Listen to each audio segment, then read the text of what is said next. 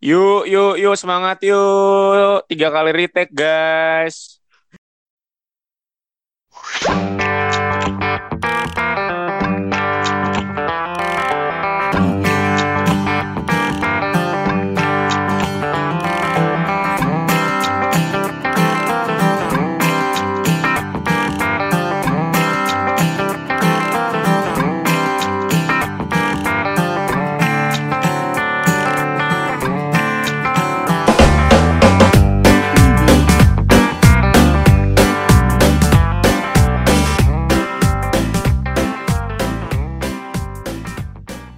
Welcome to Bacot Malam-Malam. This is your host, Tomar Raja Kaminaldi, bersama dua host lainnya, Harry dan juga Oke. Anyo. Aurelius. Bahas apa nih? Aduh, Nyon, ada berita apa, Nyon? Ada berita mau ada PSBB lagi katanya. Aduh, PSBB total di Jakarta. Tanggal Aduh. 15 besok. aduh. Empat- 14 apa 15? Tahu gue Senin dah. Senin 14 Senin. kan? Ini 15. Senin 14. Hari Iya, ini berarti- 13. Oh iya benar 14. Oke. Nah, ini kita Senin. kita tag kita tag tanggal 2 ya kita tanggal 13 pagi ya. Jam 12. Iya, Iya iya iya. iya. 12 malam. Seperti biasa, coy. Seperti biasa. Anyway, aduh, PSBB lagi, PSBB lagi.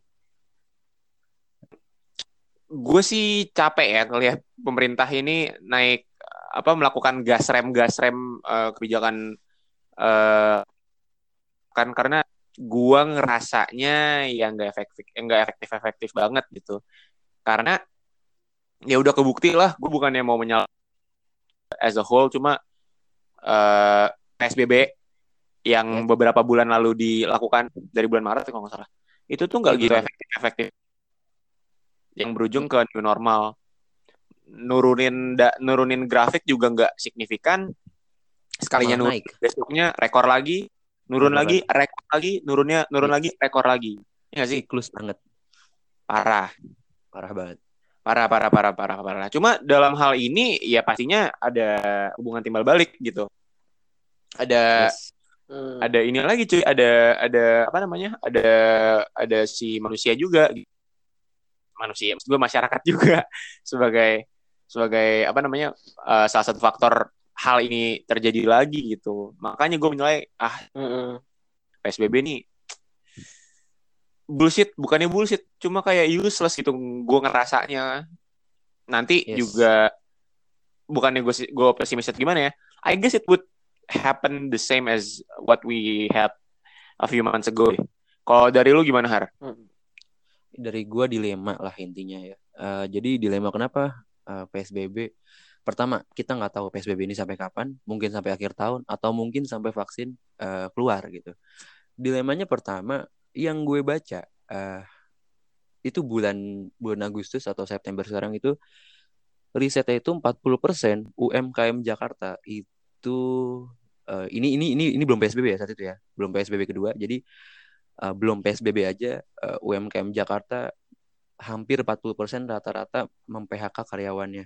Dan itu eh, membuat ekonomi turun. Nah, itu kan kalau dari sisi ekonomi nih. Cuma eh, karena eh, ada mungkin menurut gue ini blunder ya. New normal itu blunder dan itu sebuah kesalahan besar pemerintah. Bahkan sampai ketua gugus depan eh, COVID-19 Indonesia tuh gue lupa siapa namanya.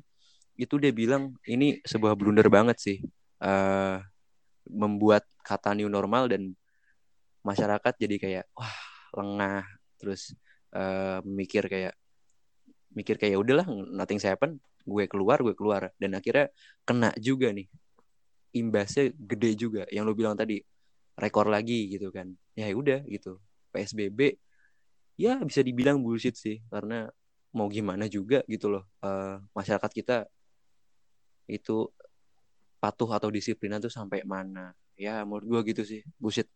Setuju setuju setuju. Iya sih, karena peran masyarakat kan apalagi di kala ini sih penting banget, ya sih? Gak cuma pemerintah aja yang harus gerak, cuma kan masyarakat juga harus sadar kalau ini tuh benar-benar urgent gitu. Jadi kalau menurut gua kalau PSBB lagi tuh agak nanggung sih, karena di saat PSBB itu terjadi pasti ekonomi akan turun dan kem- dan kita juga nggak bisa mastiin bakal apa bakal turun gak sih kasus COVID di di Jakarta? Kalau menurut gua itu agak gimana ya? Nanggung aja gitu kenapa nggak sekalian lockdown? Misalnya kita uh, kita katakan dua minggu sampai empat minggu lah psbb nah dalam dua minggu sampai empat minggu itu pasti sektor ekonomi menurun. Tapi belum tentu kasus corona kasus corona turun juga kan ya nggak sih? Setuju. Ya, ya, Nah. benar-benar. Setuju banget setuju banget parah dan setelah itu pasti kita bakal harus melakukan new normal lagi ya nggak sih? Karena kita mau nggak mau harus naikin sektor sektor ek- ekonomi juga. Ya nggak sih? Mendingan sekalian lockdown aja sih. Misalnya dua minggu dua minggu deh dua minggu aja lockdown. Bener-bener semuanya itu di lockdown suruh, suruh di rumah gitu loh. Iya, iya. dengan protokol-protokol yang ketat. Misalnya uh, pihak aparat atau tentara setiap di setiap kecamatan setiap daerah itu uh, terus muter kelilingin siapa yang keluar di, dikasih peringatan gitu. Hmm. itu bakal lebih efektif sih menurut gue dan juga dengan karantina wilayah untuk orang-orang yang misalnya eh, pendapatan ini menengah ke bawah mungkin bisa dibantu dengan subsidi pemerintah. Lewat eh, misalnya ya bantuan bantuan jalan. uang atau bantu bantuan sembako misalnya. Kan kalau nggak salah ada di ada di apa protokol karantina wilayah di undang-undang kalau nggak salah. Kalau Yes. pemerintah harus ngasih jaminan buat orang-orang eh, masyarakatnya kalau mau karantina wilayah. Kalau menurut gue sih gitu sih agak nanggung aja sih bro. Iya iya iya Karena- ya gitu gitu sih agak useless aja. Gue setuju gue setuju karena ya kedisiplinan kedisiplinan masyarakat Indonesia juga kurang gitu bro. Nah. jadi ya ngomongin ngomongin ini gue sambil baca sih berita eh gue sambil baca beberapa eh, portal media online gitu ya.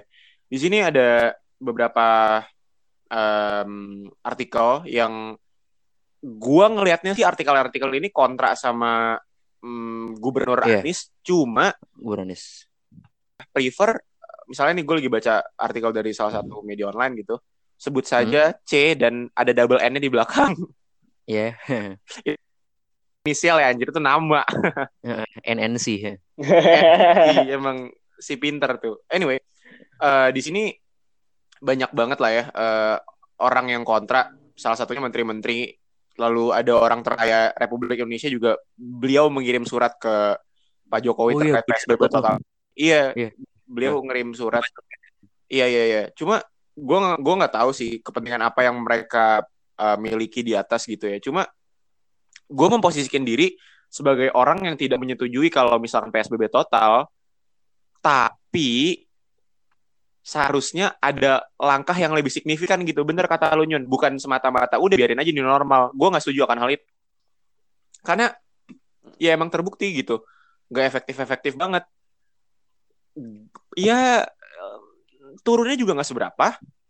Ekonomi yang anjlok banget. Karena kalau kita ngomongin ekonomi tuh sektornya banyak. Kita kalau misalkan bener-bener melaksanakan apa ya eh, PSBB ataupun lockdown gitu, yang paling concerning adalah orang-orang atau orang-orang yang eh, income-nya daily seperti mereka lah gitu. Mereka kan benar-benar mengandalkan apa ya namanya eh, income kan mereka kegiatan berniaganya aja diputus, mereka mau makan dari mana? Nah, itu yang sebenarnya harus lebih diperhatikan gitu. Cuma as a whole gue ngerasa seharusnya lockdown aja. Gue sih ngerasanya kayak gitu. Karena gue gak tahu ya. Gue ngerasa Indonesia ini masyarakatnya udah setambeng itu, udah sebodoh amatan itu sampai mereka udah ya udahlah, gue keluar rumah aja bodo amat gue nongkrong sana sini. Gue gue datang ke kafe-kafe yang eh apa namanya? Eh, banyak Yang orangnya ya? lah gitu. Untuk untuk socializing gitu loh. Masalahnya gini, cuy. Yang yang gue rasakan adalah terhadap orang-orang ini ya kan yang pengen hidup bukan lu doang gitu loh. Kita selama ini enam bulan di rumah doang, cuy. Kita Gue nggak ngerasa Ya hidup. sumpah ngerasa nggak hidup ngerasa hidup di goa anjing serius, serius banget. Gue gue juga sambil curhat lah ya, namanya juga podcast. Gue kita berdua lah ngerasa banget gitu sebagai musisi yang lagi growing gitu kan. Anjay musisi nggak tuh Ya, musisi ya, udah ada lagu nih gue. Yoi. Ya, sorry, sorry, sorry. Anyway, kita mati sih. Ya. iya, gue ngerasa eh, bener-bener memutuskan tali banget nih si kok si si pandemi ini karena musisi-musisi musisi-musisi yang lagi growing, yang baru banget pengen ngerintis karirnya itu udah bener langsung kayak jelek aja udah mati gitu. Iya benar. Uh, apa kita growing miss- nggak ada growingnya. Coba hari kita udah berapa panggung coba sebenarnya yang yang udah confirm lebih dari lima ada ya, nggak sih? lima sih. Uh, dan Iya. itu Tiga bulan Ah. pertama tuh udah oke banget lah gitu. uh, Eh, ininya apa exposure-nya dan secara income gitu. Cuma itu hilang begitu aja tanpa kita nggak tahu nih kapan lagi ada chance of doing that gitu loh. Yes. Parah banget. Aduh, parah banget. Dan gue Hmm. juga ini sih, karena gue juga kebetulan punya bisnis clothing. eh Alhamdulillah sih karena mungkin ini masih kecil gitu. Jadi eh, beberapa bulan terakhir gue belum kerasa. Tapi untuk bulan sekarang eh, semenjak ada PSBB lagi, ini jujur nonjok banget sih. Kenapa nonjok? Karena pertama jelas keterbatasan eh, apa ya keterbatasan pemasaran lah bahasanya kalau di uh, bisnis. Jadi uh, gue harusnya bisa target begini, tapi aduh ada PSBB nih. Uh, gue harus undur, gue harus undur, harus undur. Nah jadi kayak ya jangankan bisnis uh, clothing kayak gue, bisnis yang kecil atau bisnis rumahan atau bisnis uh, yang udah buka booth atau buka tempat itu ya memang harusnya sih uh, buka itu ya, tapi tidak dine in. Kalau untuk kuliner ya kalau gua rasa sih kalau begitu sih masih oke. Cuma uh, bisnis yang uh, you know lah UMKM yang misalkan warung kecil toko kelontong terus pedagang asongan dan lain-lain itu kan uh, kenanya itu bener-bener sakit loh maksudnya jangankan pas PSBB pas bahkan pas new normal aja mereka tetap tetap turun merosot. Bahkan sampai PHK di mana-mana terus uh, ada bahkan sampai demo begini gini gini. Dan itu ya kalau misalkan di PSBB lagi bullshit itu nggak sama sekali nggak inilah. Mending lockdown sekalian ekonomi turun nggak apa-apa. Yang penting angka positif turun. Dan kalau gue terka-terka atau gue analisa mungkin gini. Kalau misalkan PSBB di Jakarta di uh, dilancarkan kalau turun jadi di bawah 500 itu gue agak lega bahkan sampai di bawah 100 itu gue bangga banget Gue bangga banget. menurut- Hmm. tapi Bangga cuy, gila. Ah, kalau misalkan PSBB gagal, nih mungkin di Jakarta sekarang 2000-an. Tapi pas PSBB kenyataannya cuma turun paling 100, 200, 300. Ya itu nggak impact-impact banget gitu loh. Karena satu orang aja bisa Mm-mm. menarik empat orang gitu loh. Bayangin aja ini makin gede makin gede di PSBB lagi. Gue nggak tahu sama sekali ini masyarakat gimana. Tapi intinya harusnya dengan PSBB gue rasa kalau ekonomi turun nggak apa-apa sedikit tapi angka angka positif turun lalu eh, dengan kayak gitu harusnya bisa lebih pulih lagi gitu jadi eh, nggak ada pihak yang dirugikan tapi kita sama-sama berjuang dan kita bangkit ya kita bisa lah eh, mengatasi ini semua Setuju, setuju. setuju. Oke, eh, sorry tadi Kalau gue uh, Nyun. Apa ya? bentar ya. Iya kak. Oke bang, maaf bang. Sorry, sorry, sorry, sorry. Tadi gue ngomong. eh, Iya, iya. nah, eh, tadi kan gue sempat masyarakat, nih, ya kan? Terus kenapa gue bilang lockdown itu perlu banget dan dampaknya gue ngerasa jauh lebih signifikan secara psikologis. Karena kalau lu berkaca nih sama Itali, sama Vietnam gitu, penerapan lockdown itu tuh seketat itu dan masyarakatnya juga sepengen itu untuk sembuh gitu. Lu bayangin aja sekarang Itali Serie A main bola lagi coy, ya nggak? Yoi. Mm-mm. Iya Vietnam, Hmm. lu lihat di ibu kotanya udah bisa nongkrong sana sini gitu loh, udah udah udah sesans itu lo tau gak sih? Udah sesans itu. Iya. Jadi tuh mereka udah anjay banget, lu, lu tau gak sih? Anjing dong, gue sebel banget nih lama-lama. Anjay. Nah di Wuhan udah gimana tuh Mar? Udah udah party, udah cuy. lebih Di free banget. Wuhan udah full party banget, coy. Di Wuhan udah, Udah full party. Iya, Ah. Makanya udah pada Hmm. Sedangkan kita masih gue iri banget Lo- gitu. Hmm. Mereka sumbernya padahal mereka sumber loh. Iya, padahal mereka sumbernya, cuma mereka sembuh duluan kan aneh. Heeh. Iya sih, Tuh. ngeselin sih. Iya, iya sebenarnya eh cuy, sebenarnya kalau misalkan mau ngomongin clubbing mah bisa aja, cuma kan tertib ada yang tidak. Ah. Wah, siapa tuh? Lagian juga Apa buat apa tuh? clubbing di Indonesia men di kondisi kayak gini. Iya, loh. bener bener bener. Emang. Oke oke gue lanjut dulu. Aduh. Oke oke gue lanjut lanjut. Nah kenapa lockdown itu perlu? Tadi kan gue bilang ya masyarakat itu udah sedablek itu, di mana mereka udah kayak ah gue nggak peduli lah, anjing gue udah sesuntuk itu di rumah kenapa lockdown itu bakal signifikan karena gini kalau misalkan tadi itu kan tentara nih atau aparat nih benar-benar circling the district lah 24/7 gue ngerasa bakal ada sebuah kesan represif gitu loh. Sebuah Yes, ada bakal sebuah ada apa ya kesan yang uh, menakutkan Mem- memaksakan. fear iya jadi mereka nggak berani keluar rumah gitu. Hmm. gue rasa itu yang seharusnya diterapin karena Indonesia dikasih new normal mereka nongkrong cuy. Kayak ibaratnya parah. dikasih di, dibaik-baikin mereka lunjak ngerti gak sih lo Hmm. Mm, mm, mm, mm. Betul, jadinya jadinya kayak nggak sadar diri. Kalau gue ngelihatnya masyarakat Indonesia respons terhadap new normal dan bener banget itu blunder gitu terhadap eh, penurunan jumlah kasus. Makanya kalau misalkan kita benar-benar lockdown ini bocah-bocah bau keringat setengah matahari nih Mhm. bakal bakal bakal wonder gitu. Ah anjing ada tentara nih di luar. Gue malas nih gue gak jadi keluar dah. Sorry cuy. Mereka di grup di grup chat itu eh cuy di de- depan komplek gue ada tentara men gak bakal lebih efektif yakin buat gue Iya cuy. Iya sih. Iya. iya. di masyarakat sendiri itu tuh udah seegois itu dikasih tahu tuh nggak mau denger anjing kesel, kesel, Mark, kesel. Ya, ini gue mau nambahin juga nih. nah, eh gue kalau ngelihat ya, yang keluar rumah tanpa urgensi itu rata-rata orang mampu, Mar. Iya, eh har har suara lu tempelin Hah? gedein lagi har Ya, ya ini cek. oke aman aman Oke. Jadi kalau gue lihat sih eh, banyak orang yang mampu gitu. Dia keluar rumah gitu.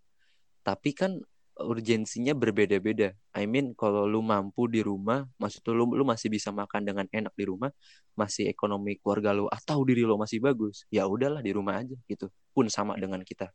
Nah, tapi yang eh, pedagang kecil gitu, ya mereka kan income-nya daily gitu. Ya mau nggak mau harus eh, keluar untuk bekerja gitu. Ya gue rasa itu harus diprioritasin gitu. Bukan lo yang mampu untuk membeli segelas kopi di uh, coffee shop lalu lo dengan uh, seenak seenaknya lo ngundang teman-teman lo sampai 10 atau 15 orang itu dan lo apa ya istilahnya men-share gitu loh. Di media sosial itu kan ngebuat ngebuat kita yang begini tuh aduh kapan nih kelarnya gini-gini? Jadi intinya kalau lu mampu untuk masih makan enak di rumah ya udah di rumah aja gitu loh. Nggak perlu lah gini-gini. Kalau lu urgensi pekerjaan lu meeting lu ketemu klien atau apa apa ya udah silahkan dengan protokol kesehatan.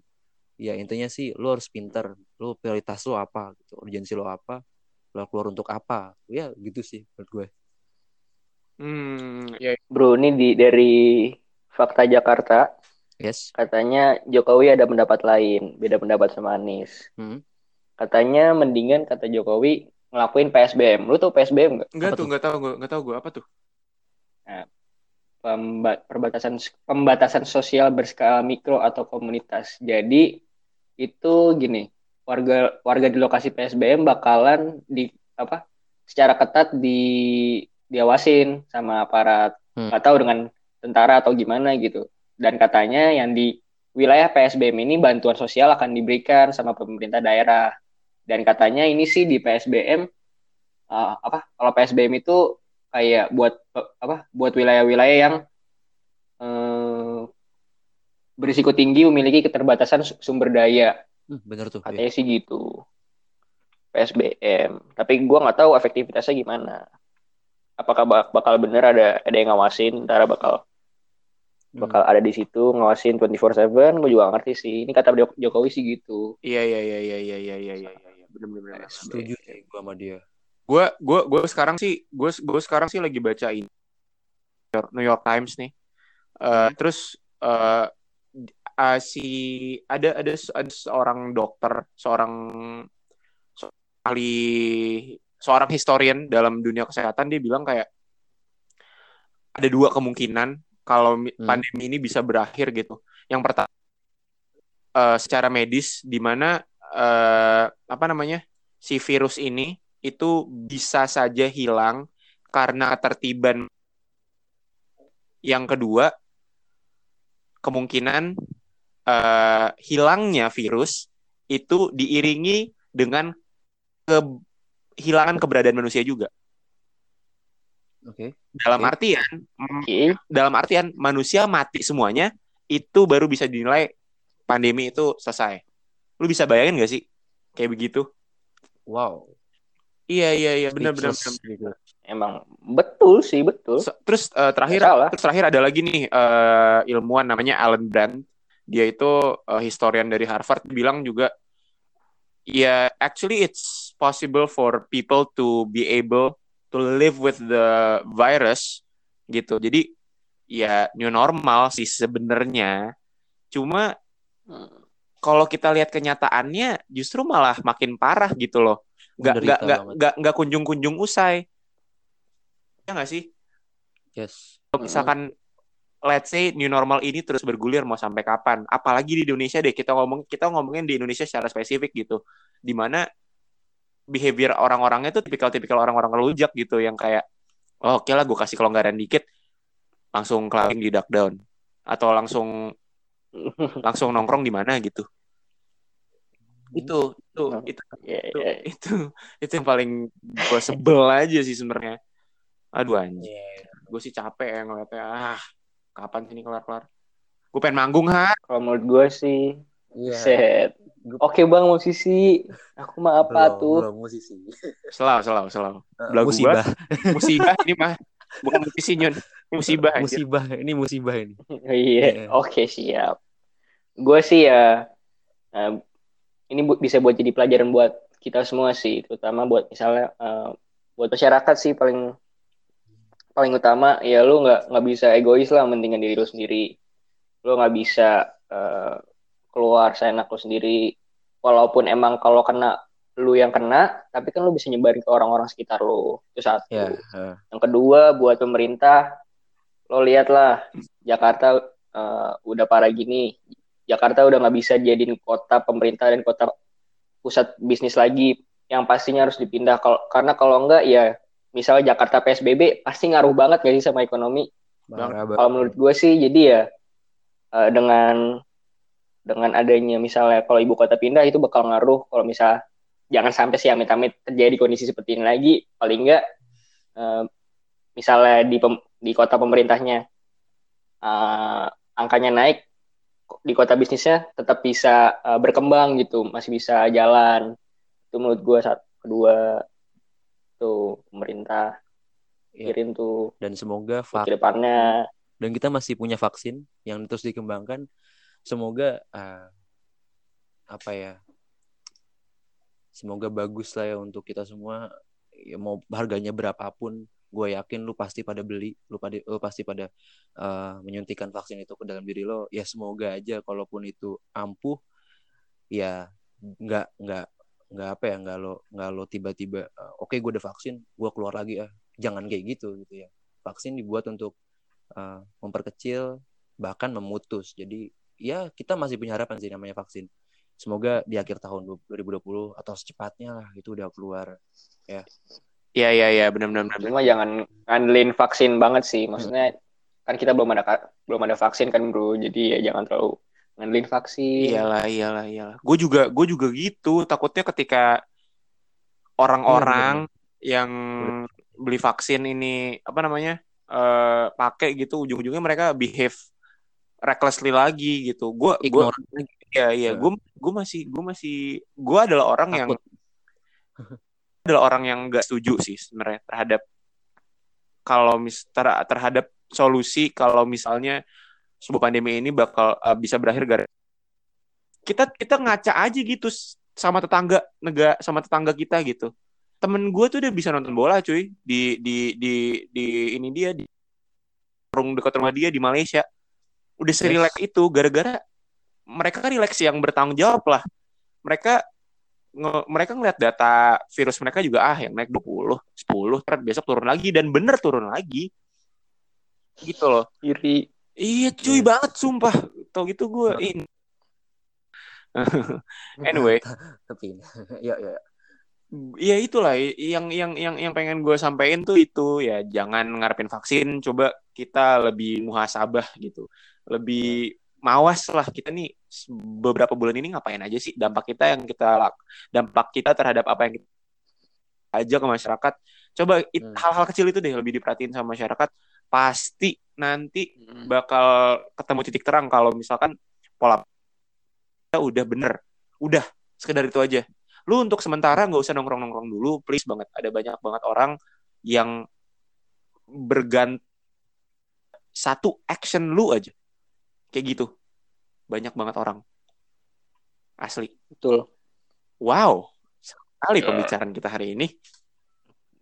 Gue jadi gue dari orang yang udah di gua berapa bulan ini ya tolonglah bro yang di luar sono yang suka main-main. Nongkrong-nongkrong gak jelas mungkin lu sekarang belum kena covid bro. Cuma nanti kalau lu kena covid ya ampun itu gue sih nggak peduli sama lu maksudnya Ya. bakal nyebar lebih banyak lagi pasti bakal lebih apa nyebar ke orang-orang sekitar lu lagi pasti kan? Ya benar banget jadi lu ya ya udahlah lu tolong lah ya yang dengerin ini. Tolonglah sadar dikit. Ya gue gue mau nangis ini coy tolong cuy. Udah suntuk banget gue di rumah Kasihan sama kita. tolong lah itu orang-orang menengah tuh rakyat Iya. rakyat kecil kita emang nggak punya kita emang nggak punya duit selulu pada gitu yang tiap hari nongkrong Iya. di clubbing ya. Kabing iya lu gak bisa dah gue kayak gitu. Clubbing lah. Hmm. ya kita orang tuanya strict gitu peduli sama anaknya. Iya gue nggak bilang lulu pada nggak dipeduli sama orang tua lu ya cuma eh, lah ayo gitu. Coba iya. kita tenangin diri dulu di rumah. Kalau misalkan ada orang yang lagi apa ya mbok tahan dulu gitu loh nggak usah datang ke rumahnya. Mm, kan kita nggak tahu lau dari mana lau sokap lau bawa apa tapi ujungnya di rumah nozul yo, positif ya nggak? Yo, yo. waduh iya. Iya enggak positif ntar mau possibility, possibility itu ada Ih. ada banget nggak sih di zaman ini? Possibility apa? Possibility of someone being apa ya infected gitu karena rame-rame di dalam sebuah tempat sempit. Ada banget kan ada ada. iya justru itu kan ya iya. bener bener ada dong. bener bener bener bener bener bener. Possibility lu mokat juga ada tuh yang positif. Iya iya iya iya iya iya iya. corona nggak kenal umur bro. Bener asli asli. Iya. corona nggak kenal umur. Nih anyway ya eh, by the way anyway. Be- dalam dua minggu ter- terakhir di komplek gue itu ada satu. Bulan lalu ada satu juga yang meninggal gara-gara corona bawaannya sakit Ah. jantung cuma gara-gara positif tek. Itu bener-bener nge-infect seluruh metabolisme tubuh. Satu hari masuk rumah sakit pada hari itu juga meninggal. Astaga serius man. Is actually itu bro. Gue bukannya pengen nakut-nakutin atau gimana ya cuma ya, ya tolong lah cuy. Tolong aja gitu ya. Enggak, gue pengen nakut-nakutin sih, Mar. Gue pengen nakut-nakutin sih. iya iya soalnya Gue baca di media, gue pengen. gue baca di BBC, media Inggris. Ah, Katanya ada kasus di mana ini orang kena COVID positif. Ah. Tapi udah sembuh, ada long term efeknya. Jadi misalnya dia kena COVID terus dia kena apa eh, sesak nafas. Nah itu lu walaupun udah nggak positif COVID lagi setelah, setelah dites, itu tapi lu tetap kebawa, lu nggak apa nggak bisa nafas se- seluasa itu oh jadi seperti lu normal. Jadi kayak lu tetap sesak nafas, meninggalkan bekas terus ya? tetap apa misalnya ngerasain apa fa- fatigue apa sih? Eh, cap kelelahan mulu tiap hari. Itu ada cuy. Ada long term efeknya buat beberapa orang mungkin. Buat orang-orang yang belum beruntung aja itu. Hmm. ada long term efeknya dan kalau lu mau ya ya udah. Gue sih pengen aku takutin emang sih biar lu pada di rumah. Iya soalnya iya soalnya gue juga udah capek lah ya. Aduh.